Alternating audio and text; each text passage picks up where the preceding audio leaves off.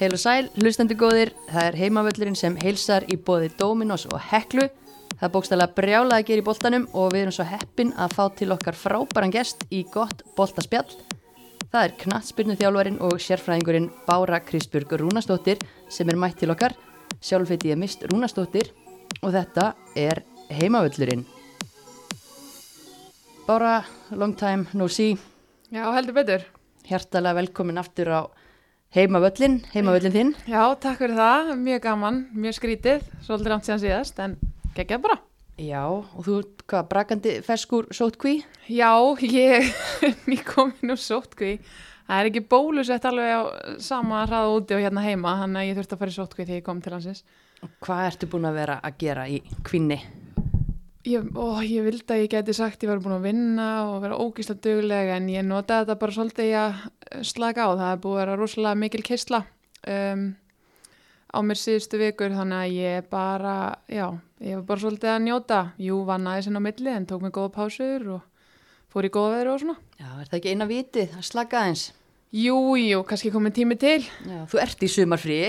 Já, ég er í sumafríi, eða svoleiðis lagar. Mjög skrítið segjast að vera í sumafríi á miðju sísoni en jú, við fáum sumafrí. Já, og það er frí í sænsku deildinni og þessun ertu hér, ekki satt? Jú, það passar. Það er gert hlið á öllum deildum í Svíþjóð, uh, yngri flokka og meistarflokka kalla og hvenna í 2-3 vikur uh, yfir sumarið þannig að það er hlið núna og þannig að það eru Íslandingarsamfélagi úti flest hérna á landinu núna að njóta frísins.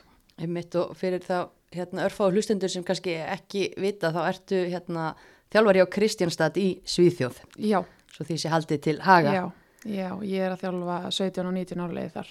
Einmitt. En för maður yfir þetta því að þetta var svolítið skondið, þú varst náttúrulega mikið hérna hjá okkur eh, síðasta sumar og vetur og mikið að spjallum fótbolta og síðasta haust ertu ráðin þjálfari hjá augnablík í lengjudeldinni. Já, Það var spennandi verkefni, spennandi ráning, en, en var þið, stutt? Hvað hérna gerist Ég- þar? Sko, það gerðist í raun og veru bara þannig að ég réði mig þar og var gríðarlega spenntur í því verkefni en þetta frábært verkefni og starf þar og ógæslega spennandi umhverfi.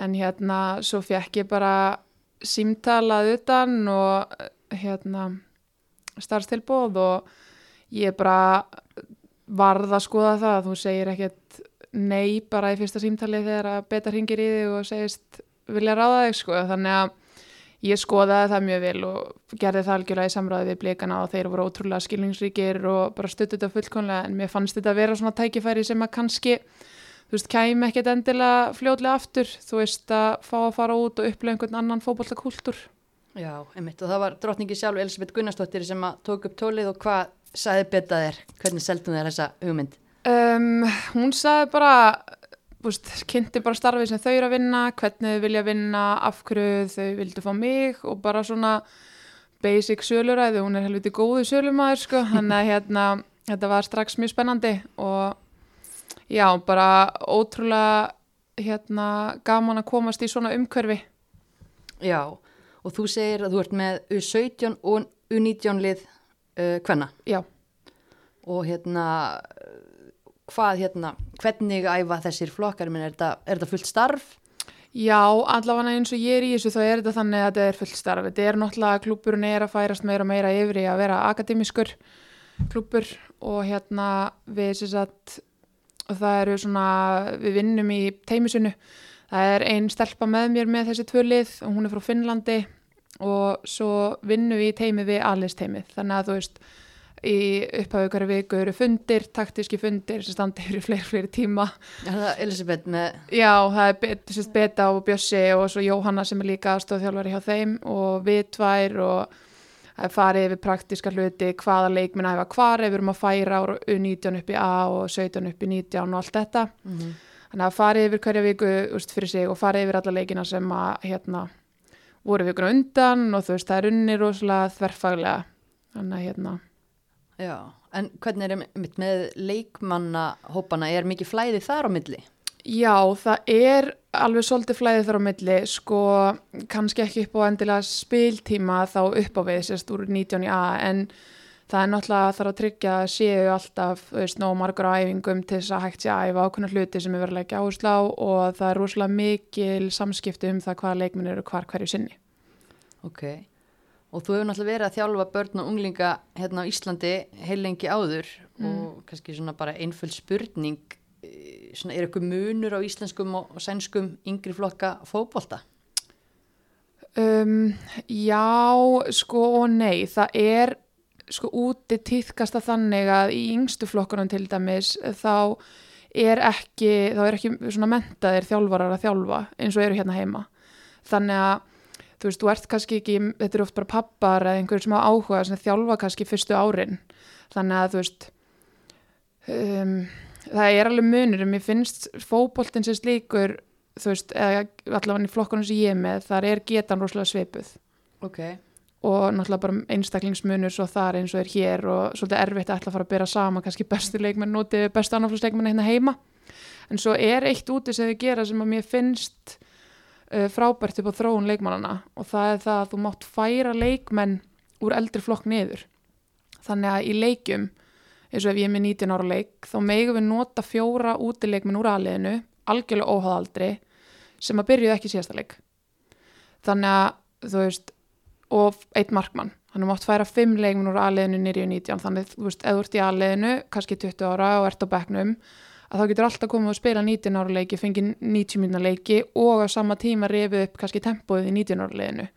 Af því að þú veist það sem er að spila í 19 ára liðinu náttúrulega njóta góðsra því að fá betri leikmenn með sér. Bæði verður leikurinn hraðari, meiri gæði og þú veist, þegar að bæði liðin gerir þetta, bæði mótirarnir og þið, kannski með nokkra aðliðsleikmenn þá er þetta allt einu orðið miklu líkara meistraflokksbolta Já, einmitt. skilur við tempóið og allt þetta. Og mér finnst þetta rosalega stór munur. Já, en lendur ekki þá í því að vera að fá ójafna leiki ef að þú geti verið að kera á þremur alanslískonu jafnvel í, í þínu leik og, og hitliði kannski ekki með neitt eldri. bara algjörlega. Það getur bara alveg gerst. Við lendum í því en daginn að við unnum eitt leik frekar stórt og þú veist þá kemur á hvort þú vorum að spila á hekk en veist, til dæmis Dilljá hafi verið að spila 19 ára leiki og var búin að skora einhver mörki og búin að sjá það á skýslum og þú veist, þær voru búin að vera að gera veist, eiga hörkuleiki svo koma þær til okkar og er ekki það langt í burtu. Þær kom með fjóra eða fimm alisleikmenn, ekki Dilljá og svo er einannu mjög góð sem kom ekki heldur og við völdum yfir þær.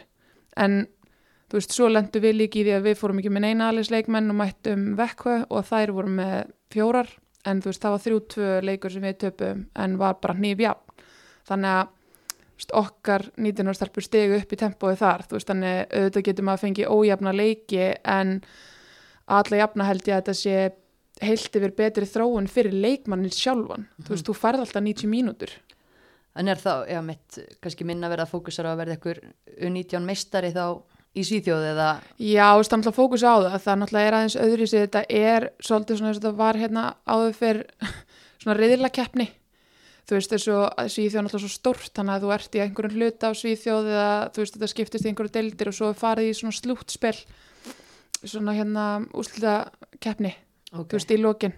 Þannig að það eru efstu tvö liðin sem farið það úr reyðlinum en jú, þetta setur maður, veist, maður sem þjálfari er alltaf með markið á að vinna á skiluru og koma liðinu svona áfram. En það eru bara fullt af þáttum þarna sem að maður getur ekki stjórnað eins og hvað leikmenn þú færið eða hvað leikmenn þú getur notað, hvort þú farið aðeins leikmenn eða ekki. Mm en öllu jöfnu að þá held ég að þetta sé betra fyrir þróun leikmannana því að þú veist, þær fá betri leiki þær fá betri leiki á hæra tempói og þetta er að sama, þú veist, við megum færa þrjá úr 19 niður í 17, í 17 ára leiki. Þannig að hérna já, það með það, já, líka já, veist, það er já. alveg og líka hérna, já, þannig að það er alveg í 17 en hérna þannig að þú veist, já, mér finnst þetta allan að gegja mér finnst leikirnir alveg eiga til að verða betri þú veist, þess og við spilum alveg þvílitt hérna spennandi leik, þú veist, fyrsta öðrun leik. Og veist, ég man í hugsaði með mér bara svona að vera þarna fyrstu leikjunum mínum hann úti, ég bara heyrði, þú veist, þetta er bara helviti líkt þú veist, lengjadöldin eða baráttu í Pepsi. Ok, eða skilur við hvað við varandi tempo já, og svona, já, einmitt, já, þetta er áhugavert en það er einmitt bara gaman að því að komi nýtt umhverfi fyrir þig og hérna tala um menningar hérna, öðruvísi menningu og annað, ég meina hvar sérðu mestan menningar mun bara í, í fjálfun og, og kannski bara leiknum um, sko í þjálfuninni þar svíjar eru rosalega svona rúðustrykkaðir einstaklingar, það þarf að alltaf að vera allt plana alveg svolítið langt fram í tíman, ég get ekki komið á miðgutið og sagt, heyrðu, við ætlum að setja æfingu á sunnudaginn, þá Það það bara, heyrðu, já, nei, það bara virkar ekki, þá það bara, heyrðu, nei, ég er búin að plana hérna.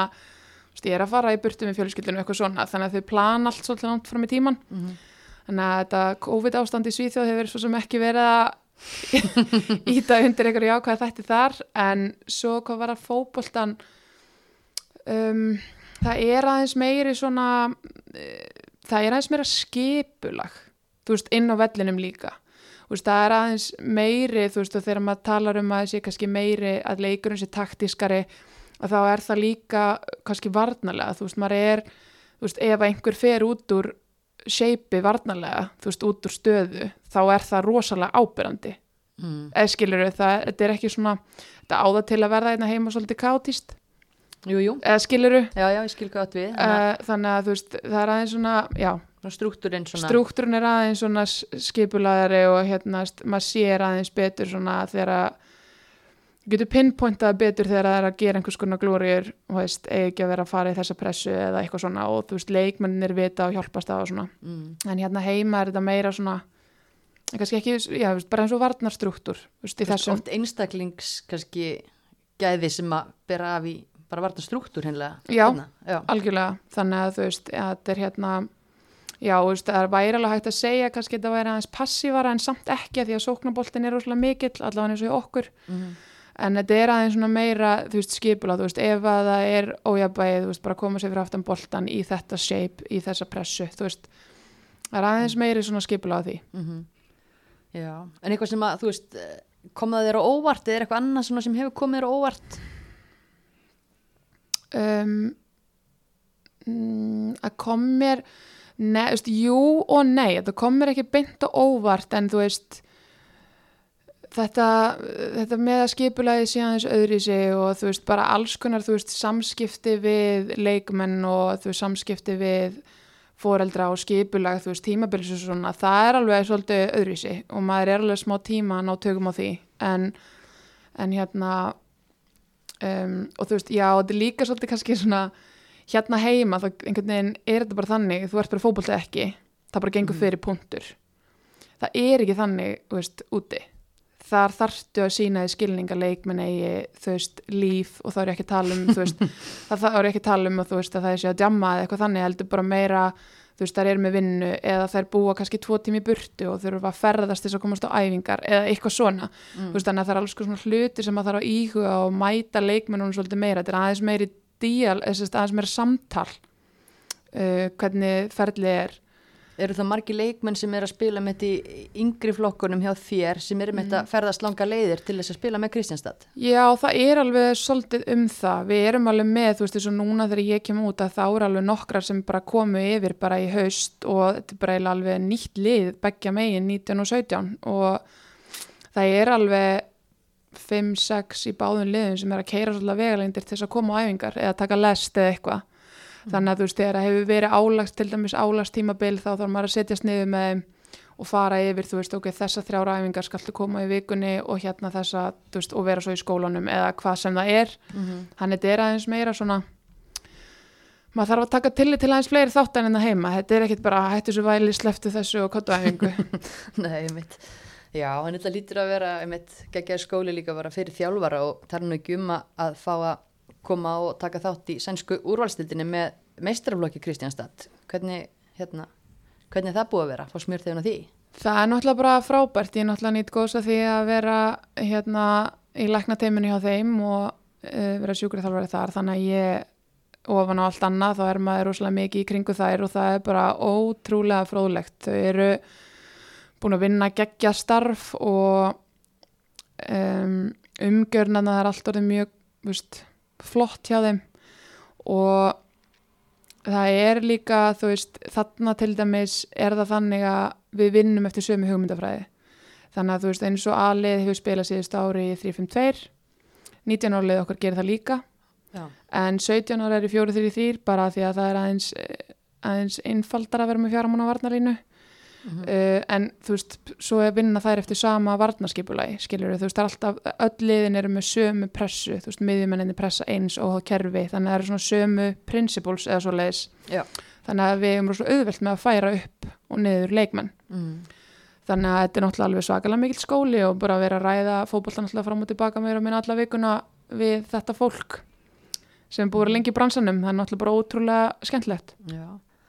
Reyndar, Sif, alltaf að segja okkur að það var einn galli á umkörnunni Kristjánstad. Já, Það væri, það var ekki dóminóstaður þar. já það er endar smá skellur við þurfum að fara til Malmö til að sækja okkur dóminarspitsu en við erum alveg búin að gera það nokkur Er það ekki? Jú.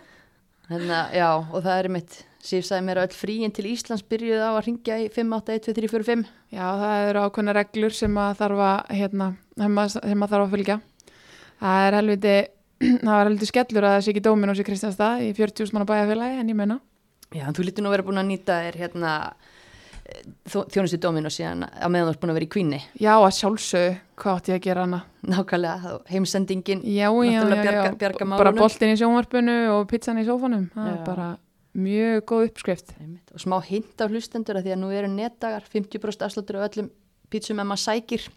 Og nú ert þú laus úr kvíð, þú getur sótt. Get Þannig að öll þín vandamál eru leist. En Já. hérna, en neini, þetta var nú léttur út úr. Hérna, en svona, varandi mitt Kristjánstad og þetta teimi sem þetta minnast á, Elisabeth Kó búin að vera hana í rúman áratug og, og hérna, og Kristjánstadlið búið að vera að gera mjög vel í hérna úrvastildinni Mhm.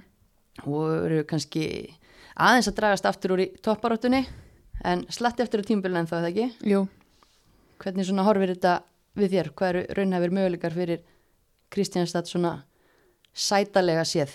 Sko sætalega séð, þú veist tímabili hálnað, þú veist, maður segir alltaf uh, toppsætið, sko. Eða þú veist, maður vill alltaf halda í það að það sé möguleiki. Ég meina þjálfarn hjá Rósengård og núna að taka á Arsenal og glóti sér farinn og fleiri leikmenn farnir og við náttúrulega erum búin að lenda í smá skakkaföllum með okkar leikmenn, þú veist, Alice Nilsson sem er um, sérst, búin að spila alltaf með liðinu og var búin að spila einhverja hundra og nýju leiki í röð í byrjunarliði bara, þú veist, á þess að missa úr leik og svo bara meiðist hún. Þetta eru til byrjunarliðinu núna bara um daginn eða Ok, þú veist, bara já. í mæi eða eitthvað misti af, þú veist fjórum eða fimm leikjum, Sveindís meiðist. Og svo eru svona leikil menn síðan í fyrra sem eru kannski ekki búin að vera jafngóður og þeir voru mm. þannig að þetta búið að vera svolítið svona skakkaföll og púsl og mikið rótring þannig að hérna en maður hefur séð það mitt á milli leikja það er alveg bara já, búið að hrikalega mikil rótiring með að við svona það sem að séð gegnum árin Já, það er alveg búið að vera meira um skakkaföll heldur en uh, hefur verið, segi betur allavega, þú veist, með leikmenn. Ég náttúrulega hef ekki verið að það nema núna, mm en það er alveg bara búið að vera ótrúlega erfitt hvað eru margar búnar að vera að detti meðisli eða eitthvað að koma fyrir, þannig að hérna, detti út, þannig að það er náttúrulega búið að hafa rúslega áhrif, en liðið er með góðan hóp, náttúrulega er að undirbúið sig fyrir Champions League og veist, þannig núna eru allar heilar og þú veist, eru að koma tilbaka þannig að þetta er svona, ég held að leiðin líki bara upp á við sko, hversu Mhm. hátt upp er svo spurning, en ég verð að segja fyrsta sæti, þú veist, ég minna Rósengard getur alveg mistið í þessi núna Já, já, það eru 12 stig á, á, hérna, á efstaliði, Rósengard efstar með 32 og því fjóruða með 20, mm bæðileg búin að spila 12, þannig að það er hellingur eftir en, en hérna, þetta, er, er þetta er helviti hérna stórt markmið, en þú veist, minna maður, þú veist, þú verður að horfa á þangað. Mm. veist, og ég meina besti árangu félagsins er þriðasæti og ef fyrsta sæti er out of reach þá á annarsæti alltaf að vera markmiði skilur þú veist, þetta er mér finnst, og mér finnst liðið mjög gott. Að bara hafa verið leikir sem maður hafa verið að spila svolítið undir getu um mitt rótringar og allt þetta, veist, þetta er bara eh, þetta er bara svona já, ég, mér finnst vera komin betri taktur í þær og þú veist, einmitt að fá alla tilbaka úr síðasta landsleisverkefni og þú veist náttúrulega gerum 0-0 í afturblíu Rósengård það sem að Sif var endur á miðinni mér fannst það sé við búin að vera út um allt líka. Og, og ég meit kannski aðeins að þessum íslensku leikmennum í Kristjánstad, uh, Sif Alladóttir og Sveindís Jane, ein uh, ný og ein rótgróin, svona hvernig gengur þeim, báðar náttúrulega þú veist, að koma þú veist, Sveindís að koma í nýtt verkefni, Sif var snú aftur eftir hérna, barnúmi 2 Mhm. Sko, mér finnst þeim bara báðum ganga ótrúlega vel. Sif náttúrulega fyrir mér vann bara kraftaverk, hún byrjaði að spila töluvert fyrir en hún hefði átt að gera eftir barnegn og mér finnst hún búin að gera bara ótrúlega mikið fyrir lið og bara standa sig geðveikt vel í því að koma tilbaka.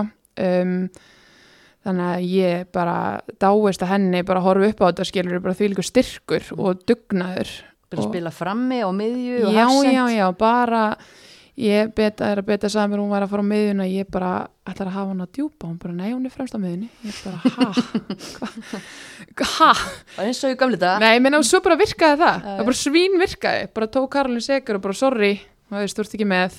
En hérna Sveindis er búin að koma rosalega vel inn í þetta, þú veist, hún er búin að náttúrulega koma og bara byrja þetta tímabil með ótrúlega miklu látum. En svo náttúrulega lendur hún í þessum meðslum sem að tóku á en svo er hún búin að vera komin tilbaka núna og þú veist, hún var ekki lengi að ná sér tilbaka að koma sér í gang og mér veist hún bara að standa sér ógislega vel og ég held að það sé bara ótrúlega gott fyrir hana að hérna vera að spila móti þú veist þessum varnarleikmennu sem hún er að spila móti þú veist hún þarf að hugsa meira um staðsetningarna sínar og hvenær hún stingur sér og það er alls konar svona sem hún þurfti kannski ekki að pæla mikið í hér, mm skiluru Algjörlega, en hvernig hún er náttúrulega í láni frá Wolfsburg, ég meina, er hún farin til Þýskalands eða spila hún meira með ykkur?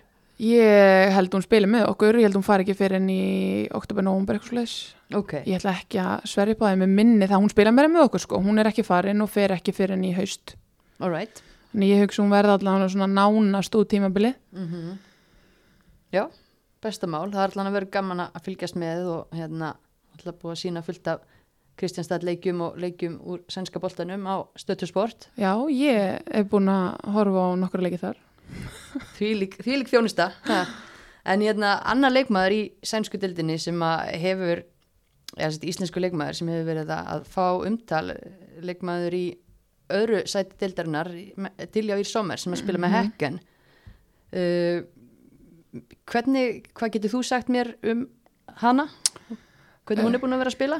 Sko, mér finnst hún bara búin að vera að koma rosalega vel inn í þetta núna hjá þeim. Um, hún, bara þess að segja, hún var að spila, veist, meina, hún kemur út, hún er byrjar á því að vera að starta í 19 leiki og koma bara alltaf inn á, þess að núna búin að vinna sér en sæti í byrjunarliðinu, skora, bara búin að gera ógislega vel. Veist, mér hefur alltaf fundist stilja á góð leikmaður, veist, ég kallaði alveg eftir, ég hún var að spila meir í val og fleiri stöðum og svona, en hún allavega verið smellpassa inn í þetta núti og hérna, mér finnst hún bara að hafa gert ótrúlega vel. Já, ég er sammála og þetta var svona já, bara ótrúlega gaman að sjá sérstaklega þessi síðustu leiki og hekken er þarna í öðru seti, þar eru hvað 6 stigum á eftir Mhm. hún, líka, hún hefur líka bara þú veist, ég vann aðeins með hana, ég þjálfaði hana aðeins í FA hérna fyrir nokkrum árum mm. og hún er rosalega svona hún er skemmtilegu sóknarmar, hún gerir ofta eitthvað svona sem þú býst ekkit endilega við veist, ég, maður er kannski að kalla hún á hliðalínu, þú veist, herðu, hérna líktu og þú gerir hún eitthvað allt annað og s- lúður hún svo í samskiptinu, þú veist bara, þú veist, ok, ok, eða það. Já, eða ég skilju, hún gerir ofta rosalega mikið, hún á til að gera svona óvæntar hluti, svo er hún rosalega sterk í loftinu. Mm um, mér fannst hún aðeins þegar hún var hérna heima þurfa að bæta varnarleiki sinn en þú veist, með að við hvernig hún er búin að vera að spila úti og finnst mér hún bara búin að gera það mjög vel. Mm jafnframt sóknar, þú veist, eins og sóknarleikin Já. Þannig að kannski bara hendar þetta um hverju henni, kannski var þetta bara það sem hún þurfti smá push, já, og stort skref og, og bara so far so good. Já, bara fylgjast geggja sko, ég átti vona á henni 19 ára leikin okkar á móti hekkina því þá var hún ekki byrjað að starta en svo startaði hún bara allis leikin á móti Kristjánstað og skoraði það illa og með bara, ykkur. já, já, svo er það. Nákvæmlega.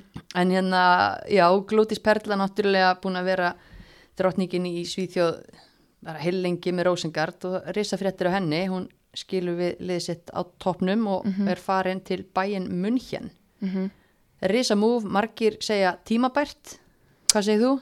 Já, þetta er alveg tímabært held ég veist, hún er búin að vera þetta lengi og ég meina að lesa hvað fjölmiðlar skrifum hann úti það er bara svona maður, maður er hættur að vera eitthvað svona já, vel gett glótis, maður er bara já, já, same old Bara hver einasta vika Já, bara- leikmaður hérna eitthvað liðvikuna. maður bara já, já, frábært, þú veist, hvað annað er nýtt eða Mhm. þú veist, þannig að mér fannst þetta bara mjög gott skref, þú veist, ég væri þú veist, en svo er það náttúrulega, þú veist, hún er búin að vera í liði og er að fara í annar lið sem er svona sókdjarft og er mikið með boltan Mm.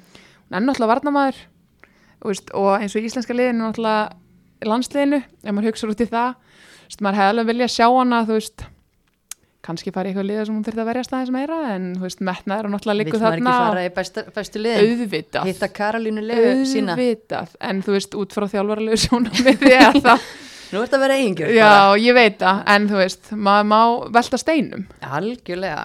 en jú, þetta er náttúrulega bara geggja skrif fyrir hana og bara löngu tímabært, þú veist, hún eh, þurfti, held ég bara nýja áskorun, þú veist, þetta, ég er ekki grínast þegar ég segja, þú veist, þessas, það sem er skrifað um hana, það er bara eitthvað, já, ok, í guðatölu. Já, bara, já, og bara geggjuð þarf ekki að hafa fyrir þarf ekki að hafa fyrir þessu, er svona maður bara, já, úst, Einmitt, svo fer maður ósælagt í það þarf ekki að hafa fyrir þessu uh, jú, hún er búin að æfa eins og skeppna síðan hún var lítið barn. Já, já. það kallar maður að hafa fyrir þessu. maður En- verður svo samdöðin þessu þegar maður lesi þetta viku eftir viku og horfir á hann að spila og maður svona, þú veist, þetta lítur út fyrir að vera ekkert mál 100% já. skilur út á við. Þannig að maður, jú, geðveitt gaman að sjá hún að fara veist, til Þýskalands í sterka deild og náttúrulega me meistrana Mhm, þannig að það verður bara ógeðslega gaman að fylgjast með henni þar þannig að við verðum með nokkrar í Þýskalandi mhm. næsta sísunni klálega og hún fær góðan félagskap uh, Karolína Lea Viljámsdóttir mm. verður þar og kannski bara hægt að minnast á að hún var fyrsti viðmælandi í ný endurvöktum hraðaspurningum heimavallarins Nature 8, Nature's 8 býður upp á þá veislu núna Mm og við sáum það öll að, að hérna einmitt Glótis er að fá mjög skemmtilegan hérna liðspila. Er að kynnast Karolínu Lefu betur með því að tjekka á hraðaspurningum Nature's 8, þetta er allt inn á Instagramin okkar Mhm. og já, þar getur fólk náttúrulega líka bara senda okkur til og að næsta leikmanni. Já. Hverju myndir þú vilja sjá næst í Nature's 8 hraðaspurningum bara? Mm, hvað myndi ég vilja sjá næst? Mm, mm, mm. Ég myndi vilja sjá Úlfudís Úlfudís, já. Góð típa Já, þurfum að lögum fólk að kynast henni betur. Góð hugmynd og það má líka senda hugmyndir um þetta spurningum, eitthvað sem fólk vil vita um, um þessa leikmenn. En hérna, uh, að því við erum að tala um Íslandinga í Svíþjóð, veist, einhverjir aðrir íslenski leikmenn sem hafa verið að, hrífa þig. Við náttúrulega heyrum kannski mest um þessar sem eru að taka fyrirsagninnar í sænsku blöðunum og, og við tökum þetta upp hérna í íslensku fjölmjölum. Nei, þú veist, svo sem ekkert margar aðrar íslenskar náttúrulega hefur ekki mikið bórið á hlín var náttúrulega frá aðeins og hérna, jú, maður hefur séð hallbyrju aðeins Erfitt hjá þeim. erfitt hjá þeim báðum. Svo náttúrulega Guðrún og Jörgorden en, veist, nei, mér finnst þessar sem við erum búin að tala um svona vera að standa sér best og búin að gera bara ótrúlega vel allar. Þannig að ég, það er engin önnur hann íslensk sem ég finnst búin að vera eitthvað outstanding Nei. En við erum með mitt bunga af leikmennum, einhverja 10, 11 allan árna. Já, jú, það er enda kannski alltilega að segja Berglind, Berglind Rós, já. já. hún er búin að vera góð og svo náttúrulega átti Sessa stórleikundaginn Hún átti það reyndar, hún er búin að En- vera í nót. Já, ég, veistu, ég veit ekki ég held hún ætti að fara ánga til þess að fara að spila sko, á láni frá Everton Mm en hérna, hún er búin ég veit bara reynilega skilða ekki ekkur hún er búin að vera í nót en svo átt hún leikundaginn var það ekki móti Rósengard sem hún átti Jú, hérna hún var bara trill, ótrúlega góð þetta er bara stelpa sem þarf að spila algjörlega. Vonum að maður hefði vilja bara, Já, maður maður vill sjá hún að spila bara restina sísuninu, þú veist, það er bara best fyrir hana og svo ég haldi áfram að vera eigingjöld, best fyrir íslenska landsliði. já, já, nákvæmlega. En hvað er, akkur eru sænsku liðin að sækja íslenska leikmenn? Hvað sjáðu í þeim? Það eru öruglega nokkar ástæður, þú veist, íslenski leikmenn eru rosalega dugleir. Þar eru ótrúlega duglegar metnaðgjarnar og við erum svo rugglu, við trúum að við getum allt. Já. Getum það? Já, en þú veist þetta, þetta, þetta, þetta íslenska mentality og þessi hérna hvernig við, hvernig við sjáum okkur og hvað við viljum vera stór og best og góði í íþróttum og öllu þessu, þetta er ekkit svona í Svíþjóð. En er Skilurðu- þetta ekkert sem stuðar þá því að þú lístir hérna svíjum sem rúðstrykkum aðan Sko, stuðar þessi reddast baráttu stemning ekkert svíjan eða? sko þetta reddast, það er náttúrulega ekki, þessi stemming er ekkit mikið allavega það sem við erum, þau eru náttúrulega búin að vera þarna svo lengi, þau eru orðin hálf sænsk og skipulögð og svona, nei, nei, það er sko, það er meira svona eins og þú veist, mér finnst þetta jákvætt, það er rosalega mikið í Svíþjóð svona, þú veist, það má enginn vera bestur, uh, þú veist, liðið á undan, á undan einstaklingnum og það er náttúrulega þannig líka hér skiliru en þú veist, við viljum að afreiksfólki okkar takja næstu skref og við ítum á það. Mm. og við erum svolítið með það líka hjá okkur í Kristastað, þú veist, við liftum yngri leikmunum, þú veist, og til þess að fá meira áskorunur og allt þetta. Þannig að hérna, þetta íslenska mentalitet held ég er bara drífandi Já, inn í svona mynd minna að það hefur Ingibjörg Sig sem að kom inn í viðtal og verður að lýsa því bara, þú veist, hvernig hún var að tala við leikmenn á æfingum og Já. hefði bara fatta ups, er ég það kannski aðeins að trappa mig niður, þú veist að, Já, bara algjörlega og það er alveg, þú veist, en þú veist, svo er það kannski líka eins og með Ali, þau eru búin að vera þarna svo lengi að þetta er orðið rosalega svona, þau, það er leikmenninni alveg hvað er ætlast til að þeim Mm. og hvernig er þjálfað og talað og hérna þannig að þú veist eins og það sem ég er finn ég ekki fyrir að þetta sé eitthvað vandamál ég hugsa frekar að þetta sé meira drífandi heldur en hitt Auðvitað, er þetta ekki bara svona brotaði besta og, og já, taka besta úr, úr öllu og reyna að sm- smíða eitthvað saman. algjörlega, ég held að En svona hvernig kanntu við þig úti?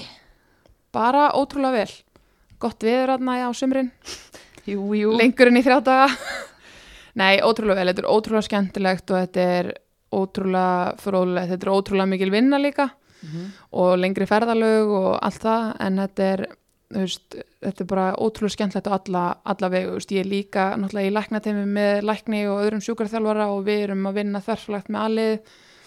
Þetta er bara algjör skóli veist, og ógeðslega gaman að upplifa annan svona fótboltakultúr og bara líka þú veist með svona stór þáttur í fótbolta bara samskipti, bara hvernig þú tala við leikmenn, hvernig þú tala við veist aðra þjálfara eða stjórnamenn, hvernig þú færð fólk á þitt band, það er alls konar svona hluti sem maður er að sjá kannski tölvört meira heldur en sem maður hefur sé kannski hérna heima. Þú veist, við erum maður er svo ótrúlega innvinklaður einhvern veginn að núti í þetta því að þetta er svo, hérna, þetta er svo mikil, sam, mikil samstarf. Já.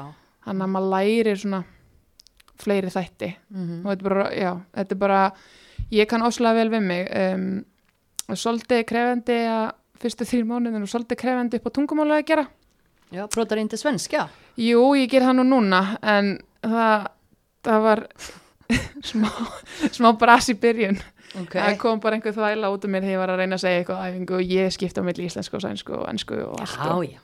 En það er komið sko, þannig að að þetta er orðið mjög gott núna en þetta er náttúrulega bara ég, þetta er bara fyrst og náttúrulega skemmtilegt og lærtusvíkt eins og ég segi, en Mhm. hérna ég held bara að, þú veist, held að hafa allir gott af þessu hvort það eru leikmenn að þjálfarar að fara út og þú veist, læra eitthvað nýtt upplega einhvern annan kultúr þótt þetta sé á Skandinavíu, þú veist, nált okkur en þetta er samt aðeins öðru sig en er hér Algjörlega. Og ég meina, hvað, hérna, ertu með langan samning? Ég meina, sérðu fyrir þér að, vera þarna í lengri tíma? Uh, samningurum minn, ég, ég samti bara eitt ár um, út að, þú veist, maður er að hoppa svolítið blind í Mhm. sjóin með þetta að hérna, ég vildi bara sjá hvernig þetta er þið og ég hef ekkert samin eitt lengra eða hérna, neitt svo leiðis þannig að ég er svo sem ekki að hugsa þetta neitt lengra, ég var náttúrulega líka að klára nám þannig að uh, ég tek bara stöðuna þegar lengra liður á sísonið og sé Mhm. hvað mér langar að gera margt í bóði, eða mörg áhuga svið kannski frekar margt sem mér langar að gera Já. En svona, hvar liggur þinn metnaður? Ertu með ykkur ákveðin markmið varandi þjálfurina? Þú veist, ætlar að fara alla leið í þjálfun, keira á það? Já, ég verð nú að segja það. Ég ætla að gera það. Um, ég er ekkit með einhver markmið sérstök eins og staðinni núna á hvaða liði ég ætla að þjálfa eða, eða neitt svo leiðis en hérna, mér langar að þjálfa og mér langar á einhverjum tímapunkti að taka meistraflokk og mér langar á einhverjum fekk það nú reyndar í fyrra en það var stutt Já, kortir?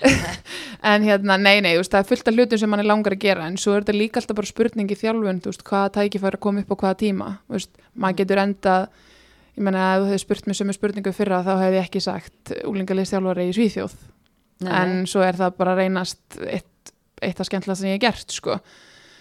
Þannig að hérna, uh, nei, ég er ekki með eitthvað svona ákveðlið, en ég ætla að keira á þjálfunina og mér langar að vera þjálfari, það er náttúrulega númer eitt, en ég er búin að búið til ágætis bakkaupplan fyrir ellina.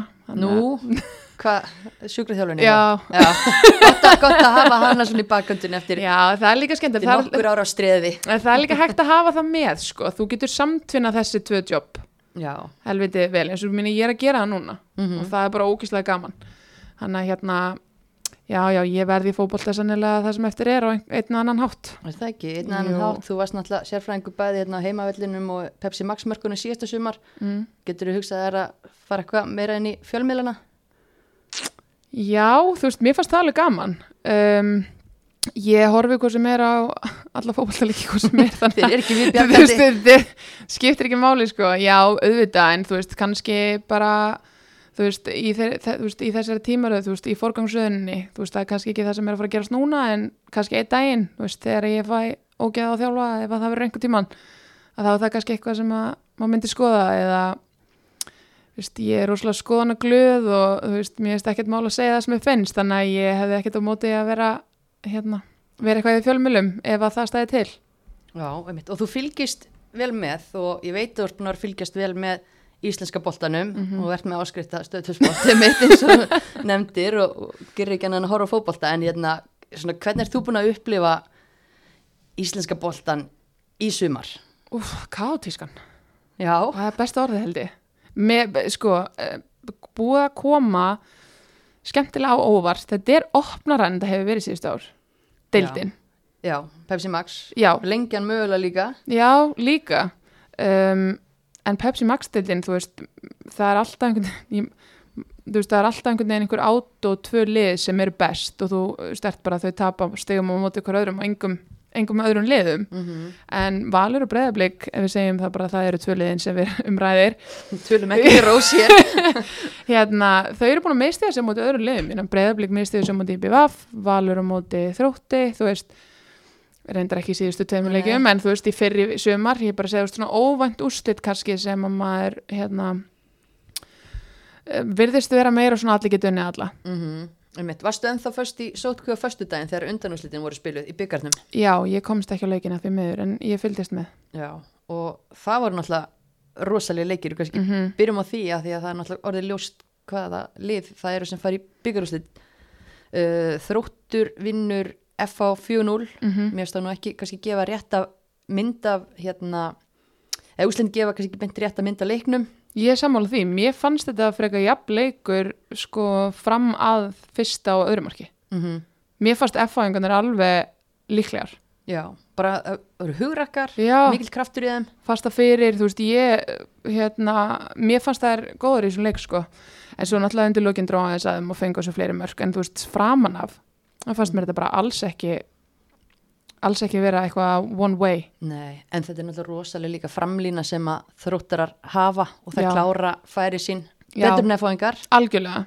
En ég, veist, ég farandi inn í þennan leik þá held ég að þetta er auðvelt fyrir þrótt Mhm. og 4-0 kannski lítur út fyrir að þetta hafi verið en það er þurft alveg að hafa fyrir þessu og mér fannst F-fáingarnir alveg betri eins og segja en ég átti vona. Já, ég er alveg, alveg sammála en þetta er var sögulegur undanústöldaleiku fyrir bæði lið og ennþá sögulegur fyrir þróttara sem eru þá að fara í byggarústit í fyrsta skipti ever 700 manns á þessum leik og ótrúlega góð stemning Mm -hmm. ég veit ekki hvort þú hefur náð henni í gegnum sjónvarpið Nei, lítið en þú veist, ég sá leikin.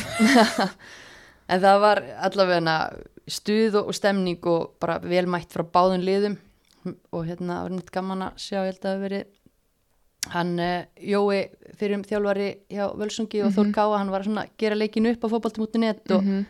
og var mitt bara benda á hei, þú veist, þetta er alveg hægt Já. þú veist, það er alveg hægt, það er förstu dagur að ferðahelgi, Bara- það er samt 700 manns mætt Já, til að mæta og hvetja liðið sitt, þú veist, bara let's do it more often En þetta er líka, þú veist, mér finnst, mér finnst, sko, þessi byggarústuleikur líka bara rúslega spennandi, þú veist, ég minna, það því að það er allir búin að vera að taka stiga af öllum, þetta getur bara að fara í hvernig sem er. mm algjörlega og, og kannski aðeins ára förum yfir í hinleikin sem var náttúrulega skemmtilegasti leiku sumasins þá langar mig að koma því að það var náttúrulega kostning á Better You leikmanni vikunar á Instagramin okkar. Mm -hmm.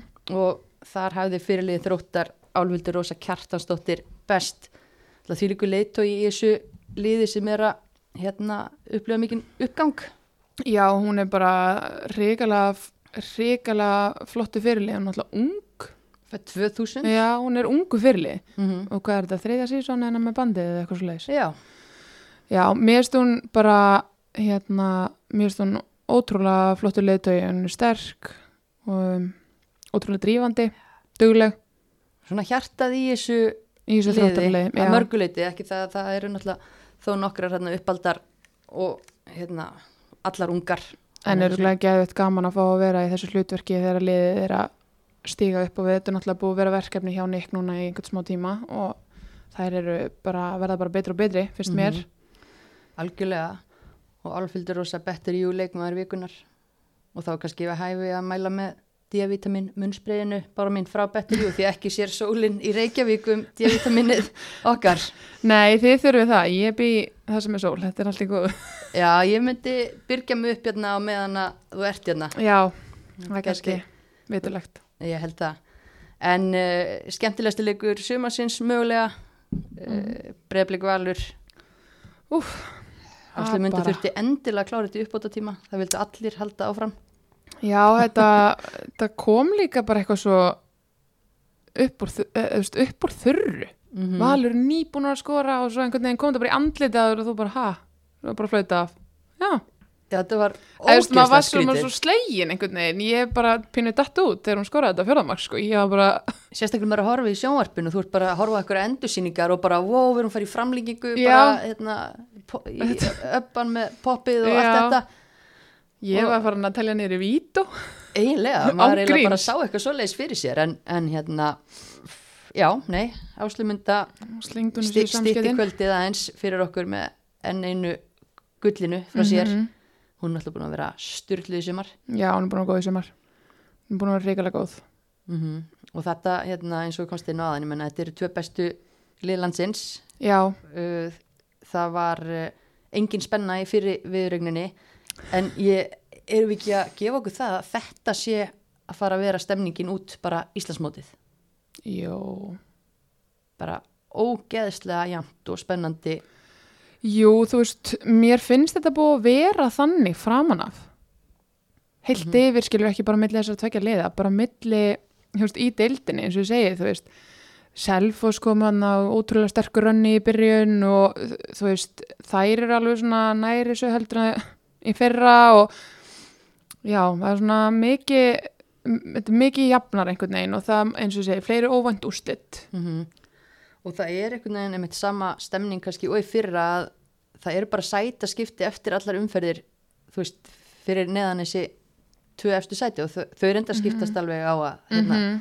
að við séum hvað sætunum en uh, kannski munurinn núna er þetta veginn lengri skorpur þú veist, það koma þrýr sífuleikir í röð en ekki bara einn og einn hér og þar. Þetta er svolítið skrítið. Þetta er ótrúlega sérstakt, líka bara eins og með, þú veist, og sérst bara ef við klárum breyðablík og val, bara ég held að valur er þið bara jafn góður á þessu ári eins og breyðablík var í fyrra.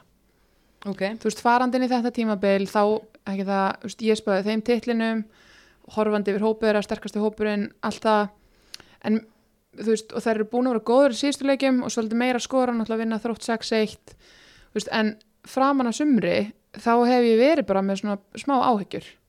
Þú veist, að þær séu ekkit endilega að fara að klára hann titil easy eða þú veist, samfarandi mm um, finnst aðeins skiljanlegar með breðablík, þú veist, þær fá nýjan þjálfara, missa hálf liðið þú veist, um, en svo finnst mér líka mikið rót á blíkaliðinu þú veist, milli leikja mennur þá eða?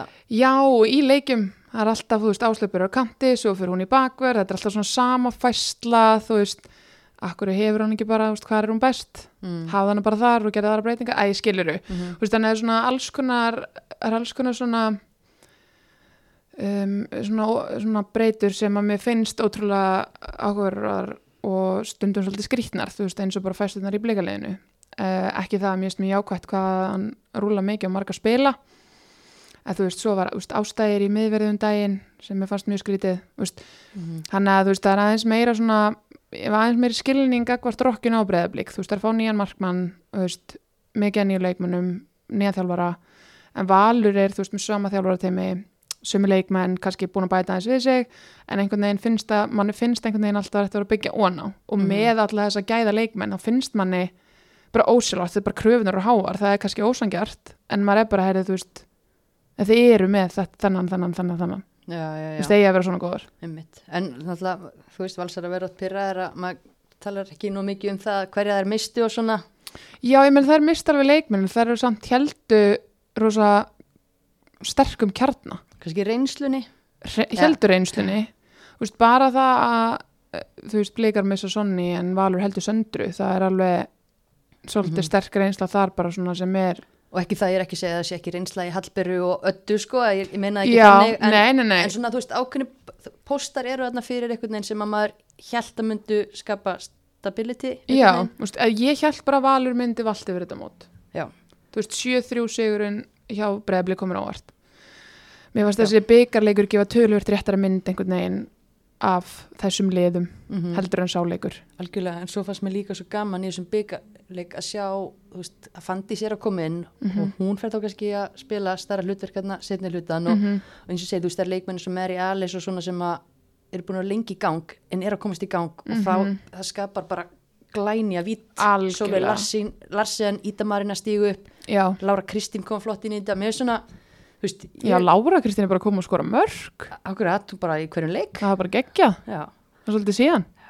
Ég er í aftur komin að það. Ég er sammálaðir fyrir mót þá hérna, hefði maður tippað á val og ég er með eitthvað góða tilfinningu fyrir valsliðinu. Já, er ég allána, veist, en svo finnst mér self og self og sefur alveg heilla mig með að við við meðar við þeirra um, þróttur, ég er rosalega hrifin að þrótti. Mér finnst rosalega þú veist, maður sér bara nákvæmlega hvað er verið að gera, hvað er lagt upp með áhersluðnar skipulega liðin er mjög gott mm -hmm. um, svo eru svona, þú veist mér finnst keplæk búin að vera svolítið óhefnar oh my god, horfður á leikin þeirra í gær Já, þetta, það er átt að vinna þar var framtíð eitt. Arþórsdóttir Rán á, á Já. ögurstundu já, þú veist, og líka bara leikur þeirra á móti IBVF þegar það er dæmt mark af hjá þeim í stöðinni 1-1 eða eitthvað þar sem að þeir hefðu komist í 2-1 og svo skora í næstu sókn. Eða, þetta er bara, mér finnst það bara búin að vera lendi þessu bara í allt sömar og ég hef sagt þetta áður, ég segi þetta bara aftur mér finnst þetta að fá, fá smá svona deja vu tilfinningu frá því síðast þegar voru uppi. Já, þetta var ros, það voru svo nálætt þessu, nálætt þessu, nálætt þessu. Já, en samt einhvern veginn ekki. bara, já, þetta þetta gal, gal opið ennþá og við erum að tala um já, Selfoss með átján og Keflavík og fylgir bótsætunum með nýju og tindastóll 11 Þór K og Vaff með 13 Dróttir Já. 15, þetta er úf, Þetta, já, þetta er, eins og segi, þetta er opnara en þetta hefur verið. Þú veist, topparáttan er svolítið valur og breyðablík, ok, en það var ekki alveg svona klift og skori fyrir þreim umferðum. nei, nei og þessi lið gætu eða hvað, tappa fleiri stígum Gæti alveg tapa fleiri stigum, alveg klálega, en uh, þessi neðri hluti, hann er helviti jafn og maður svona, ég bara skil, veist, ég bara skil ekki hvað fylgir er að gera næsta ræti. Eða þú veist, jú, þeir eru ekki búin að vera góður í sumar, en þær eru með góða leikmenn mm og mér finnst einhvern veginn eins og þær ættu að vera að gera betur. Já, maður er svona augljóslega mest búin að klóra sér í haustnum yfir þeim, ég held að annarnast allir hafi spáð þeim þriðasætunu af því að þær hérna gerðu vel í fyrra og voru, þú veist, Voru fínar á góðar. undanbúinnstímilinu Já, voru góðar í fyrra og af þessum liðum í þessum neðri hluta þá var fylgislið kannski það lið sem að gá okkur vísbendingar um að þær gætu mögulega verið eftir hlutanum. Að því maður sá að það eru Já. í, vetur en maður hugsaði bara að þetta smellur þegar að á reynir en, en svo er bara ennþá meiri meðsli og bara einhvern veginn allt í skrúinni Já, þetta er einhvern veginn búið að vera bara vombriði, verði að segja. Já. Og maður einhvern veginn, ég allavega nú svona lúmst, ég held svo ótrúlega með þeim, vildi þær myndu standa sig þú veist, að því að það eru margar ungar efnilegar sem maður hefur fylst með einhver tíma, eiga mistrafsleiki önnu lið, þú veist, leikmenn, skemmtilega leikmenn. Já, og líka bara vegferðin sem fylgir hefur verið í Já. síðan að koma upp úr hérna, að þá hérna þetta er inkasso að, já, ég er alveg sammála maður er haldið með projektinu, þannig að Já. þetta er svona Þetta það slær maður svolítið Já, þetta er svolítið tuska í andliti, sko, en hérna, og ég meina eins og segi, kepla ekki náttúrulega rosalega óhefnar búin að vera í sumar, bara mér finnst þetta bara að saga sumarsins og, en tindastóll búin að, svo sem gera kannski vel með við það sem Já. maður áttu von á. ekki margir sem hefðu trú á þeim og þeim hefur náttúrulega kannski gengið bara illa að skora mörg þeir eru bara að skora átta. Mm -hmm. og þú þarf þá allavega að skora mörkin þannig að þú látur þau telja sko. Já, já, það eru búin að fá þessi helmingi fleiri, þannig að en eru segar og eiga öflugan heimavöll og algjörlega og ókslega gaman að fá þar í dildina og hérna, það eru náttúrulega með rosalega fljótan leikmann hann í uh, Hugrún Laufey. Hugrún og Löfi báðar fljótar um, þannig að þær eru þær eru með alveg svona smá sprengju fram á við og þú veist þær komast alveg upp með að leggja svolítið tilbaka og sækja hratt mm þannig að finnst þær bara búin að gera mjög vel úr því sem þær hafa sko Algjörlega, þær eru líklega með kannski þinsta hópin líka Mhm. í deildinni og það er með fullri viðingu en þetta eru bara unga stelpur sem hafa ekki spilað sko valla í lengdeildinni sem, Mhm. mm. sem að, hérna, eru þar á, á bekk og svona algjörlega, þannig að, að og, og líki leikmaður eins og Muriel búin að vera að glíma við meðslu og annað þannig að Mhm. margt í þessu. Já, algjörlega. Þannig að mér þær bara búin að gera hrikalega vel. Þannig að það er svona þetta er, eins og ég segi, veist það er eiginlega alveg bara upp í þú veist, fymta, fjóruða sæti er þetta bara nokkuð stig? Þetta er ekki það langt á milli. Ekkert um milli. Stjarnan alltaf vinnur hérna í gær og fyrir upp í fjórðasæti gríðalega ósangjart Já, en hérna, En það er átt þetta kannski inni Það er hafa nú tappað einhverjum svona stigum fyrir eitthvað rosangjart já, Það jafnast allt út eða ekki á endanum? Jú, jú. Nema hjá Keflavík nema keflaug grein. En uh, stjörnuliði margir hafa verið hrifnir af því. Já, og það er náttúrulega stunnu sterkan sigur á móti blíkum og mm tóku gott rönn hann nokkra leiki í röð. Hvernig hefur þér fundist þær? mér hefur finnst gaman að horfa á þær. Ég, það eru leikmennina sem er að spila sem ég er ofslega hrifin af þú veist uh, Gíða Kristín hann á miðunni mér er hún búin að finnast hún koma rosalega vel inn um, Úlfa Dís og svo náttúrulega þessar þú veist sem við þekkjum Betsy og þessar þú veist, Mhm. en mér finnst svona fleiri vera að stiga upp þarna. Og náttúrulega fá önnum rauð tilbaka náttúrulega greiðlega stert eða breytir öllu bara. Og góða markmann Já, þú og, veist. og gaman líka að sjá að hún næja Lipken sem að kemur svo inn og leysir sjandi af að hún ætla líka bara virkilega að standa Já, sig vel hann búin að vera algjörlega. góð þess að leiki hvað þrjá leiki núna sem hún er að spila? Já, Já, ég held að það verið þriði í já. en hérna, já, þetta er bara svona þetta er svolítið skemmtilegt og Mér finnst allavega, þú veist, mér finnst gaman að fylgjast með þeim og mér finnst, þú veist, eins og í stjórnuleginu, þú veist, margar, hérna, svona aðeins yngri kantanum efnilegar, þú veist, sem eru núna kannski að fá eitthvað svið, skilur við, og svo náttúrulega, veist, gaman að sjá Katrina Áspjós aftur í Pepsi-dildinni, Mhm. eftir batnegn og þú veist, það er svona, alls konar hlutir. Mér finnst stjarnar alveg skemmtilegar, sko. Og Betsy Hassett svona fyrst við nefnum hana hann alltaf frábært að deildin okkar eigi fulltrú á olimpíuleikunum Já, ok, ekki. og sá náttúrulega þínar konur í Svíþjóð, þínar hinnar konur það er unnu bandaríkin 3-0 í dag Já, ég up það. Stína Black. Stenius, liðsfélagi Diljár, hún skoraði tvö held ég. Já, ég sá ekki leikinn sko en mér fannst þetta bara styrla ég held að þessi fyrsta leikur sem bandaríkinn tapa til 44 sigurleiki eða eitthvað líka. Eitthvað svona fáraleg tölfræði sko. það er náttúrulega bara ógeðslega skemmtilegt sko. Það er bara það er allir samfélagsmiðlarnir mínir bara heia Sverri myndir hér og þar þannig að þetta er bara geggjað sko. Næs, og Betsy reyndar eh, þurfti að sætta sig við tap, hún spilar með Nýja Sjálandi og tapaði 2-1 fyrir Ástralíu. En bara hörkuleikur 2-1 Mhm. og svo drottningin Formíka er það grínast, 43 ára hún er að fara á hvað? Já, sjöundu ólimpíuleikana sína. Það er náttúrulega bara styrlu tölfræði sko. Það er bara, það er bara grín. Það er galið. 43 ára og já, var að spila held í 30. leikin sem í dag. Brasilia vann 5-0 Já, Kína, minni mig. Þannig að, úf, já, Kína þetta er bara, ég var bara eitthvað svona að lesa um, um Betsy og tjekka á sænsku úslitunum og svo var ég bara, nei, for mig alltaf dukkar hann upp, alltaf er hún hann einhvers þar Íslandsvinurinn ha, en já. En svona kannski svona klárum Pepsi Max, við mm Mhm. eftir að nefna hérna tvö lið og þau eru bæði með 13 stig í sjötta til sjönda sæti Þór Káa, mm. Þór Káa. What to say, what to say? Já, það er svolítið svona mér finnst það er svolítið bara svona vanilulegt lið. Svolítið bara svona plain. Veist, enga flugveldasýningar, enga glóriur en samt þú veist standa svona þannilega sé fyrir sínu. Já, en góðu varnalíkur, sérstaklega eftir Já. að Arna Sif kom náttúrulega muna náttúrulega rosalega um hana. Pínu Pons, já, en þeim gengur að skora mörg Já, og svona, voru að láta einn sóknarmanni sem til að fá já, Sandra Nabeteme stóð ekki undir væntingum, búið að senda einn annan erlendanleikmann heim og Já. það er ein eftir. Þetta er svona, ég veit ekki, það er hljóta að bæta við sig, af því að þær eru ekki það langt frá fallsvæðinu og Nei, ég meina hvað er er það að fá leikmenn núna?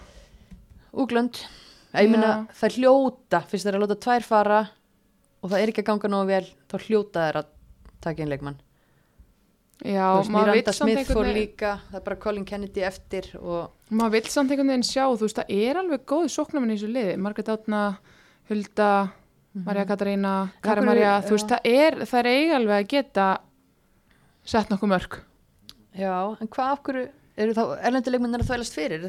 Just mér fyrst þessi leikmenn sem að þær voru með þessar erlendu alls ekki standa eiga að vera að taka sætið hana nei, nei, en ég er bara að pæla hvað það er að finna mörkin að því að þú veist, mann hefur ekki fundist þessar stelpur vera komnar í gang en þá Nei, en mér finnst þær eiga að vera.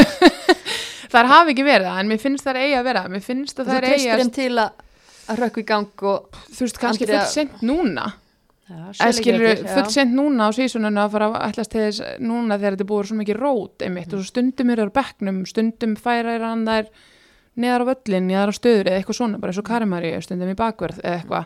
Þú þetta er svona já, ég veit það ekki mér finnst þetta bara ótrúlega svona eh, þeirra sóknarleikur búin að vera bara svona bla Mm. Hann heilla mig ekki Nei, ég meit þess vegna er ég svona veltaði fyrir mér af því að það er verða að fara að skora fleiri mörg til þess að slíta sig frá sem botnpakka finnst þér fallfnigur á Akureyri? Mér hefur, fannst það, en svona með að hvernig það lítur út núna, ekkit endilega, en jú, þú veist, það geta sterkari alveg annars staðar fallið. kannski bara Já, en já, þú en, veist, já. þú getur farið helviti langt á góðum varnarleik. Og svo hafa náttúrulega fyrstu leikadriðin, þeir geta skora á þeim. mm en talandum góðan varnarleik tölurna frá því gær blekja vissulega en IBVF uh, búið að fá að sig 26 mörg flest allra liða. Já, og jú, jú, ok. Það er ljótt, þær, þær fengu slattaðum á sig gær, búin að spila veist, þokkalega varnarleik heilt yfir fram Mhm. að því. En það er svona, svona jójó stemning já, mér finnst IBVF búið að vera svolítið svona einmitt eins og mörgunulið, svolítið svona fram og tilbaka, en það er mega nú prísa sér sælar að hafa náðið til eini. já, Það er bara bjargaðum. mm Ég- sjömörk sjömörku hana, DB Já, ángrínsant sko. Það er bara, það eru búin að, mér finnst það búin að vera bara svolítið svona einmitt. Suma leikir eru bara svona vákvæður og góðar, suma eru svona, æj, æj, þetta er ekki, þú veist, þetta er bara svo tvö ólík lið og mér finnst þetta búið að vera hjá öllum liðunum á einhverjum tímapunkti. mm En svo náttúrulega líka, þú veist, þá eru þjálfarskipti á þeim á miðju sísoni og það getur verið bæði gott og slæmt. Þú veist, að fá nýja rödd, að fá nýtt svona, en ég meina, svo tapa þær í gær. já, Þannig að maður veit ekki, en ég einhvern veginn, ég, sko, verandi með þann, þa svona sóknum á þessu kaliberi, þá held ég að þær verði ekki í basli. nei. En hvað finnst þér um ráðninguna ná sér, ná sér í nýjan gamlan Jan Jeffs, tekið við aftur þekkir náttúrulega hvern króku kima þarna? Á þessum tímapunkti finnst mér bara stert að fá einhvern sem að gerði vel, sem að þekkja, treysta uh, og finnst mér mjög stert, hann er náttúrulega bara með mikla reynslu og þannig að uh, mjög gott að fá hann inn í þetta til þess að sigla þessu út sísunnið og Mm. ég held að það er bara að vera best að miklu betra heldur en að fara að ráða einhvern alveg glæn í hann með nýja hugmyndifræði og fara að hrista upp í öllu, þú veist, núna snýst þetta bara um að sigla þessu sísunni og þannig að mér fannst það mjög vel list Já, einmitt. En hvað svona sérðu fyrir þér einmitt að eru, deildin er réttur umlega hálnuð, við erum búin að sjá allt mögulegt hinga til, heldur að verði jafn mikill hasar og, og hið óvænta verði áfram við stjórn í þessari deild út sumarið. Já, ég, þú veist, mér finnst ekkert lið vera að spila þannig að ég er bara, heyrðu þetta er bara langbæsta liðið. Um, mér finnst vera rosalega dagamunur, leikjamunur og þetta virðist vera bara miklu meira dagsform heldur en eitthvað annað og það er kannski, þú veist, þess að lýsi þessu sem svona kátíst. Mér finnst, þú veist, ég fer inn í einhverju leiki, þú veist, og undirmöðunni held bara, þú veist, þessu bara breyðablika á að vinna stjórnuna Mm -hmm. eins og vinnur stjarnan og það bara frekar samfærandi Já. þú veist, þú, ert einhvern veginn bara svona já ok, en svo fyrir stjarnan og þú veist stelur stegum mútið keplauk Mm -hmm. Einmitt, já. ei, skilur þetta er bara svona já, ég held heldur að að verði þetta áfram þannig að heldur að liðin finni betri rithma. ég held að þetta verða áfram svolítið svona að það sko, verða stólinn óvænt steg hér og þar. En um, en kannski aðeins meiri stöðuleiki núna heldur en hefur verið. Kannski er þetta, þú veist, ég held að við róteringarnar verða ekki stórvælir, ég held að við séum að sjá svona skiptinguna á deildinni byrja að myndast. Já, ég held að... eða toppnum og botninum en þú veist, ég held samt að það er eftir að koma úslit sem er eftir að koma ávart Mm -hmm. Já, kannski ekki jafn ört nei, en það, já, kemur ljós. já, En hérna, þú veist, getur þú dæmt eitthvað lið niður á þessum tímúti? mér finnst það erfitt. Þú þarft En- þess ekkert. ég, þú veist, ætla bara að segja eins og staðan er núna þá bara verði ég að segja kepla ykkur fylgir þær eru í næstu sætunum. Um, auðvelt svar með það en þú veist, Keflavík bara, þú veist, það eru bara einhver sterkari öll þar á móti. Virðist ekki skipta máli hvað er, hvernig það spila.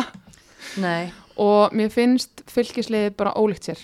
Mér finnst þær bara ekki vera að finna rithman í sínu leik. Mm og en nema það gerist bara núna í þessari viku að þá sé ég þær ekki rætta sér úr þessu. Nei. Skilu, hendu á mig nokkrum nöfnum á leikmönnum sem er hafi fundist, fundist vera góðar.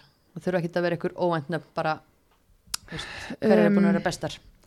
Náttúrulega, mér veist, Aglamari Áslumunda, mm, mér finnst uh, Birta Georgs hafa komið vel inn, mér finnst Betsy búin að vera góð, Úlfa búin að vera góð, mér finnst Olla búin að vera góð, Katie Cousins og mér finnst Linda búin að vera góð, rosa skemmtlegt flæði þar. mm. Engin í val Jú, en þú veist mér finnst það svolítið leikjaskipt þú veist, mér finnst Elin Metta búin að vera góð núna í síðustu leikjum Mhm. náttúrulega rökk alls ekki gangi byrjun um, mér finnst Íta búin að vera góð búin að stiga upp svolítið svona Mhm. sem var búin að vera bytti frá henni um, Nafna mín, come on, hún er búin að vera geggjuð hún er búin að vera mjög góð Já, hún er búin að vera mjög góð, Dóra mér líka Já. Stöðuleiki þar Það er fram- stöðugleiki framstöðu. Já. ég er sammála því nafna henni er búin að vera mjög góð og, og hún er líka bara með eitthvað svona presence Já. hún er bara eitthvað, ó, hún er svo ógeðslega töff leikmaður Þurfi ekki að senda hann í atvinnumönsku ég veist ég menna, akkur ekki? Það er bara snýst um hvað hún vill. Og gaman að hafa hana samt í þessu þú veist að vera í svona þessu hlutverki hjá val. Já, bara stórkuslegt, hún er búin að vera svo er Mari Alice líka hrökk í gang Já, þá með, þá með önnulið fara að vara sig. Já, en þú veist þannig að maður eh, Þór Káa Arna náttúrulega bara Íbjöf aftur leini mm Tindastóll Markmaðurinn er svona Já, Amber. Já, þokkulega góð. Þú ert nú meiri sérfræðingur þar en ég. Í markurum, já, hún létt skjóta ansi oft í sig í gæri á móti fylki. Já, Nei, og svo hún er hún er búin að vera frábær sko. Og Hugrún náttúrulega. Já, og hérna já, já, svona nokkra, það er alveg leikmenn hér og þar. Svo náttúrulega í selfossi, þú veist, finnst mér. Mér finnst bara bara búin að vera góð og mér finnst brenna, þú veist, áður hún meitist mm. og Emma þráttur hún hafi mér seknað kemur fyrir að bestu bæjum já, já, en veist, mér finnst alveg fullt að leikmennum búin að sína ágættis takta í sumar, sko Já, heldur betur og það er gaman að að það er einhver að gera vel í öllum liðum og svona. Já, já, það er alltaf einhver ljósi punktar. Þetta snýst bara um að finna þennan heildatakt í Mhm. liðinu. Totally, en hérna verður nú aðeins svona að spyrja þú til lengjudeldina líka. Já, uh, verið að spila í henni kvöld og hún náttúrulega líka hálnuð það eru þrjúlið að berist á topnum Ká er í bestu stöðunni með fimm stiga forskott mm. Það eru slakar á undirbúnstímbilinu þannig að fólk var ekki alveg vist hvað þetta hafa, hafa þær en, nei, nei. en þær eru búin að vera bestar hinga til. Já, það eru búin að vera góðar og þú veist, maður einhvern veginn mér finnst þær eigi bara að vera bestar. Þetta er stórveldi í knaspinu þær eiga bara að vera langbestar í þessari deild og fara aftur upp. Já, en það er kannski líka ósangjart en þú veist, það, manni finnst þetta þegar þetta er þetta lið já, og maður verður að fá að segja það sem manni finnst Já. og hérna já, ég er sammála, auðvitað á liðin svo KRL eiga lið í efstu deild kallað á hvenna megin, ekki spurning en þær eru vist að missa kannski já, allan að missa leikmenn eins og náttúrulega flest lið, missa einhverjar í háskóla og annað en hérna uh, maður er ekki hýrta viðbótum þar en þá, meðan að maður hefur hýrta bæði afturöldingu FH sem er hérna rétt á eftir, þær eru að er bæta vel við sig. Þú veist, er það eitthvað sem að veist, eru káringar, það hljóta að styrkja sig. Ef þetta er rétt að þessi að missa ykkur fjóra leikmenn. Já, veist, eh, það er verið að gera það, en svo veit maður ekki. Svo veist það svo, eh, maður hefur ekki heyrt neitt um það allavega. Mm. þú veist, ég hef ekki heyrt neitt pískur neins þar frá að það er ætla að gera það. En auðvitað finnst manni að ætti að vera þannig eða að missa margar í háskóla eða út eða, fyrsta staðan er svona, þeir eru þetta nálægt þessu með ekki við skakkaföllum. Nei, en svo náttúrulega líka, þú veist eiga er einhverjar yngri efnilegar sem ættu kannski að vera að fara að fá sinnsinn mm. Og líka eina, eina vel reynda sem er bara búin að vera mest megnis á bekknum, spilandi aðstöðþjólarinn já, Katrín Katrín- Ómas, nei, ekki mest, hún er búin að spila helling en Já. hún er að byrja á bekknum hún er kannski ætlar að taka setni hluta með trombi, maður veit ekki Já, það getur vel verið, en ég meina þú veist, það er eiga náttúrulega líka, þú veist, þetta er eins og veist, með, með að vera þessi klúpur, þú veist, þetta er, hefur verið náttúrulega upplugt yngluflokkastarfarna og það er, það er eiga, eiga leikmenn sem að kannski ættu bara að fara að fá sjönsinn mm ef það er ágætt stöðuleiki í þessu liði og kannski búin að sanna það en þetta væri kannski stert að fá sér eina tvær. En ég meina, ég fagna því bara ef það er að gera það ekki og láta þessi yngri leikmenn spila, það er betra fyrir okkur. Algjörlega og einmitt afturöldingu FH bæði liða missa eitthvað í háskóla líka en Já, FH búin að sækja náttúrulega Sisi Láru það er huge fyrir þær. Mhm. og svo eins og komst inn á Sandru Naputeme þeim hefur hérna, ekki gengið nógu vel að skora, þeir eru búin að vera dóminarleiki en ekki að klára þá með mörgum Mhm. búin að missa leiki þar leðindin í jafntefli og annað. Mhm. heldur að Sandra geti hjálpað þeim við að loka leikjum? Nei. nei, kallt maður. Nei, nei, jú, kannski getur hún það í lengjadöldinni mér finnst hún ekki nógu góð fyrir Pepsi-döldina Mm. Um, það verður bara ótrúlega fróðlegt að sjá hann í þessu liði. Ég, þetta komur á orð mm þessi skipti, þú veist, þau, þeir eru með þrjá leikmenn sem eru svona sendirar upplægi fyrir ungar allar en þú veist, sækja sér sendir einhvern veginn sá það ekki þótt að mörkin séu búin að vera kannski ekki það mörg en þá eru við með leikmenn sem veist, geta skora, Já. selma og miðmenn svona sem að ég hafa verið að setja mörg fyrir þær sko. En svona, mann finnst svona, já, ég veit ekki, en það eru kannski heldur ekki verið að sækja hana langt þegar það fengi símtali vilji, má bjóða eitthvað Já, svo veist- er það að, að en ég meina það gæti vel verið að hún sé töluvert að hennar eh, hæfni nýtist betur í lengjudeldinni maður sá alveg, þú veist, þetta var svona klippuleikmaður, þú veist, það var þetta búið til alveg fínt, hérna, já, YouTube-vídeó af henni í, hérna, Pepsi Max, skoraði 2-3 fúst ég meina hún fínustu mörk og skoraði alveg og, mörk en þú veist, ég meina mér fannst ekki mikið til henn að koma sem Nei, leikmanns, mér fannst hún bara ekki það góð Nei. í Pepsi-deildinni en Mhm. en, enn og aftur, lengjudeildin kannski hendar það henni betur, kannski nær hún þú veist, einhverju fram þarna.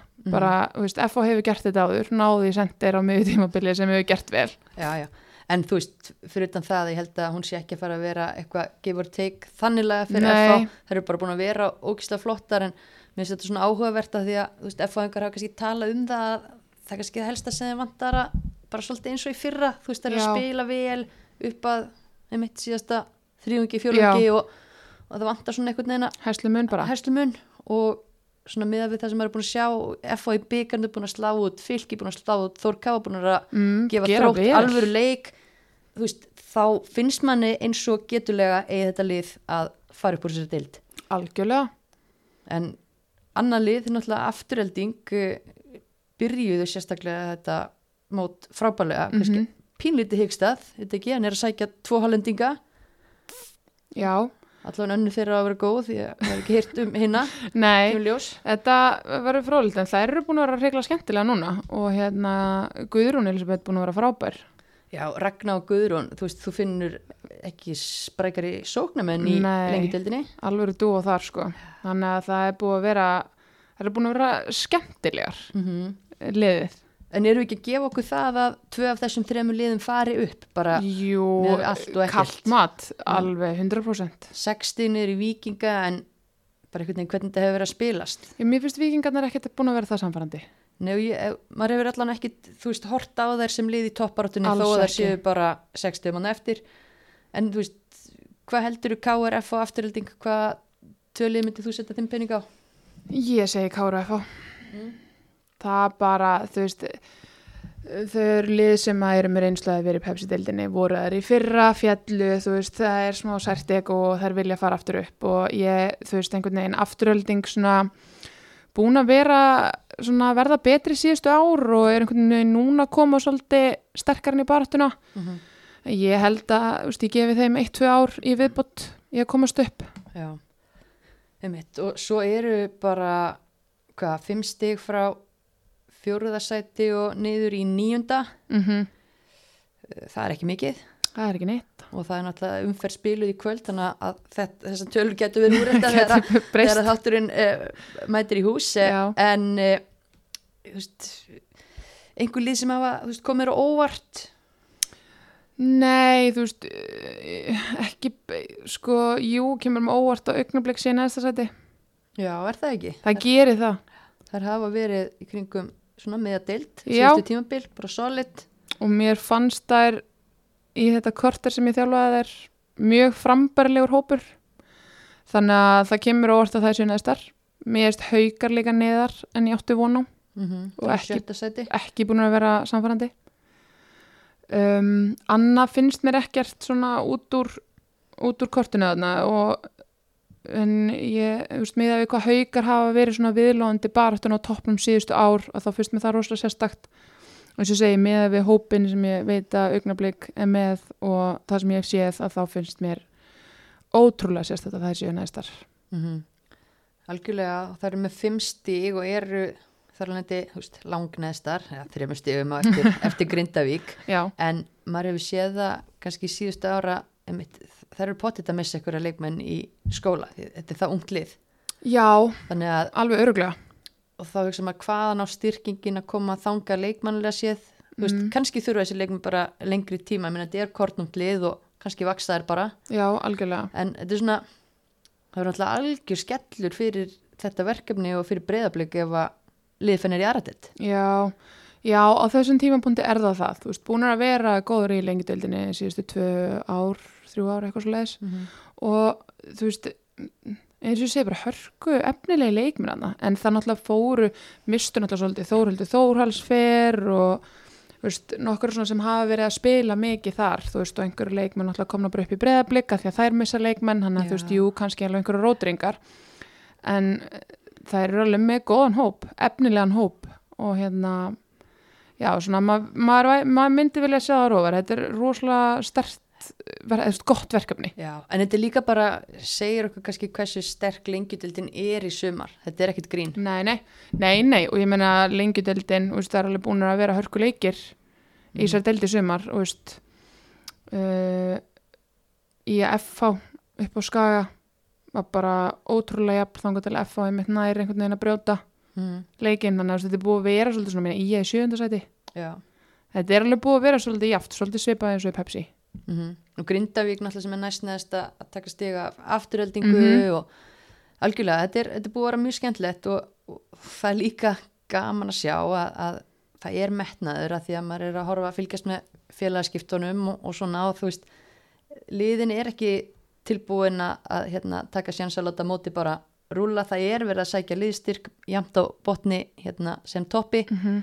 þannig að kannski bara eina liði sem er ekki fara að sækja erlenda leikmann augljóslega er augnablík en, en önnur lið e, eru í því og eru að styrka sig. Þannig að, þú veist úf, ma, maður veit ekki neitt. Ef við gefum okkur þessi þrjú þarna verði efst sérðu fyrir þér að þú veist, að öll hinn verði í öll hinn sjö verði í botbaratu eða? Ég held að sko nei ég held að sko sæti fjögur til sex sé verði bara þar.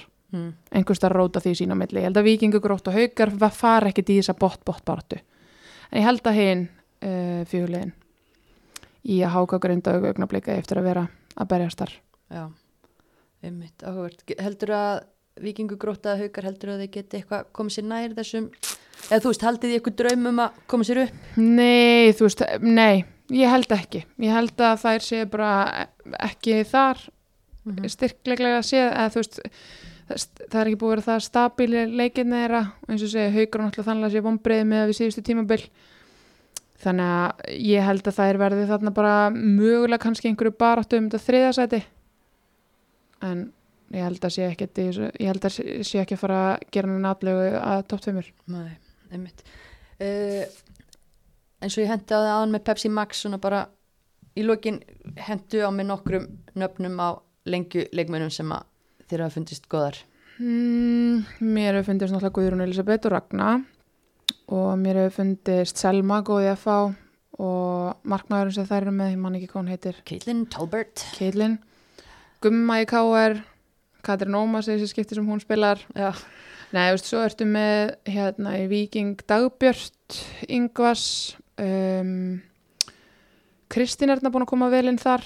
Já hún er skora, hún búin að skora hvað 11 mörg í 10 leikjum? Já. vel að sé vikið? Um, Eitis Lilja Grótt er búin að vera góð. Mm um, Já Hildur Karitas Hildur Karitas í haugum búin að vera góð. Margir búin að tala um hana og hrósa henni. Það eru svona, það eru nokkrar. Þetta eru nokkuð nöfn hér og þar og þetta er ekki undirbúin listi þannig að allar hinnar 20 sem þú glemdir Já, ég, þú veist, maður gleymi bara þú ert þetta eru tíu lið, sko, ég er hérna brainstorma bara hvað kemur fyrst upp í hugan, sko. Já, það er skemmtilegast að heyra það samt betra heldur en að láta þið preppa eitthvað lista sko. bara Já, já, en það eru, það eru alveg fullt af leikmennum sem eru búin að standa sem mjög vel í sumar. Mm einhver úr augnabliksliðinu sem að er búin að svona heilla þig? Margrét Brynja og Margrét Lea. Já, ungar Efnilegar. efnilegar. Já, besta mál en hérna svona áður en að við köllum þetta alveg gott inn í dag, hvað ertu lengi á landinu? Hversu mörgum fótballtalegjum nærðu? Ég næ einhverjum helgina, ég fer á uh, þriðdæn, næsta. Já, það er bara þannig Þetta er ekki, þetta er ekki hérna langt stopp, það fór stór hluti í sótkvæði.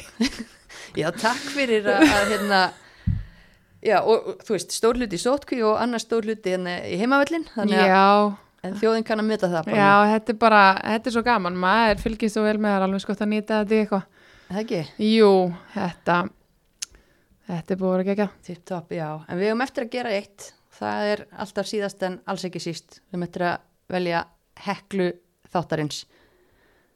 Og hekluna veljum við bóði bílaumbunsis heklu Mm -hmm. og heklan er eins og, uh, já, alþjóð veit líklega núna einhver kona sem að er að gera frábæra hluti. Oftast tengda fótbolta þarf ekki endilega að vera en einhver fyrirmynd, einhver drífandi og einhver sem er að gefa af sér. Og við fengum fjölmarkar tilnefningar Mm. í gegnum Instagramið okkar eins og áður. En það er orðið lungu tímabært að velja Sigrunu Sigriði Óttastóttur betur þetta sem Ídu. Það er legend. Það er alveg legend. Uh, hvað, nú ætlum ég bara að googla hérna. Hvað spilaði Ída marga leiki fyrir meistarflokk Breiðabliks á sín, sín tíma? 185 leiki, 185, já. það er ekki lítið. Það er slatti. var með fyrirlega bandi mest megnis Já, af þeim tíma. Hún er líka einhverja alastiðis, ekki, jú, hún á 32 alansleiki, þrjú mörg Varna Jakslinn sjálfur 41 mark í 185 leikjum fyrir Breiðablik Allt úr fyrstu leikatrim? Nei. Nei um, En hérna, ég hef heyrt bara frá leikmennir sem spiluðu með henn á sínum tíma sé bara, þú finnur ekki betri kaftein, Mm þú veist hún er ekkit að trana sig fram í sviðsljósi eða Nei. svoleiðis, hún er bara með allt undir kontról, gefur liðinu sinni þvílíkt og það sem að við dýrkum svo hérna á heimavallinum er þegar að fólk hættir að spila -hmm. en hættir ekki í fótbolta, hættir ekki að gefa af sér mm og hérna bara sem dæmi þá er Íta búin að vera í kringum og, og skipleika símamótið bara já, since way back. -hmm. bara allt í öllu þar. Var mitt hérna mætt til Danmerkur að fylgjast með stelpunni sinni keppa á Norðurlandamótinu. Stelpunni er ansikuði fótbolta, Vítis Lilja. Já, hún er efnileg. þannig að hún er að gefa inn í félagi þannig líka sko. En hérna, svo er hún bara flóin heim til þess að takla þetta símamót.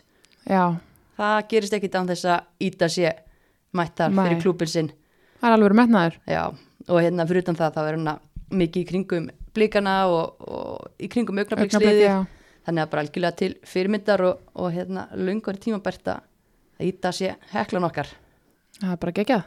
mm en hérna já, ef við ekki bara láta það verða að loka snikkurinn á þessum þætti Algjörlega. þú voru að gegja að fá því, ég er búin að halda þér aðeins lengur en ég ætlaði að gott og komst eftir matabóðið en ekki fyrir. Já. en hérna bara æðislegt að fá því bara og uh, já, við náum þér líklega ekki aftur að hún fer til Svíþjóðar en, en við bara verðum ekki alltaf í góðu bandi. Jú, bara rosalega gaman að koma. Bara takk fyrir mig, það var mjög skemmtilegt.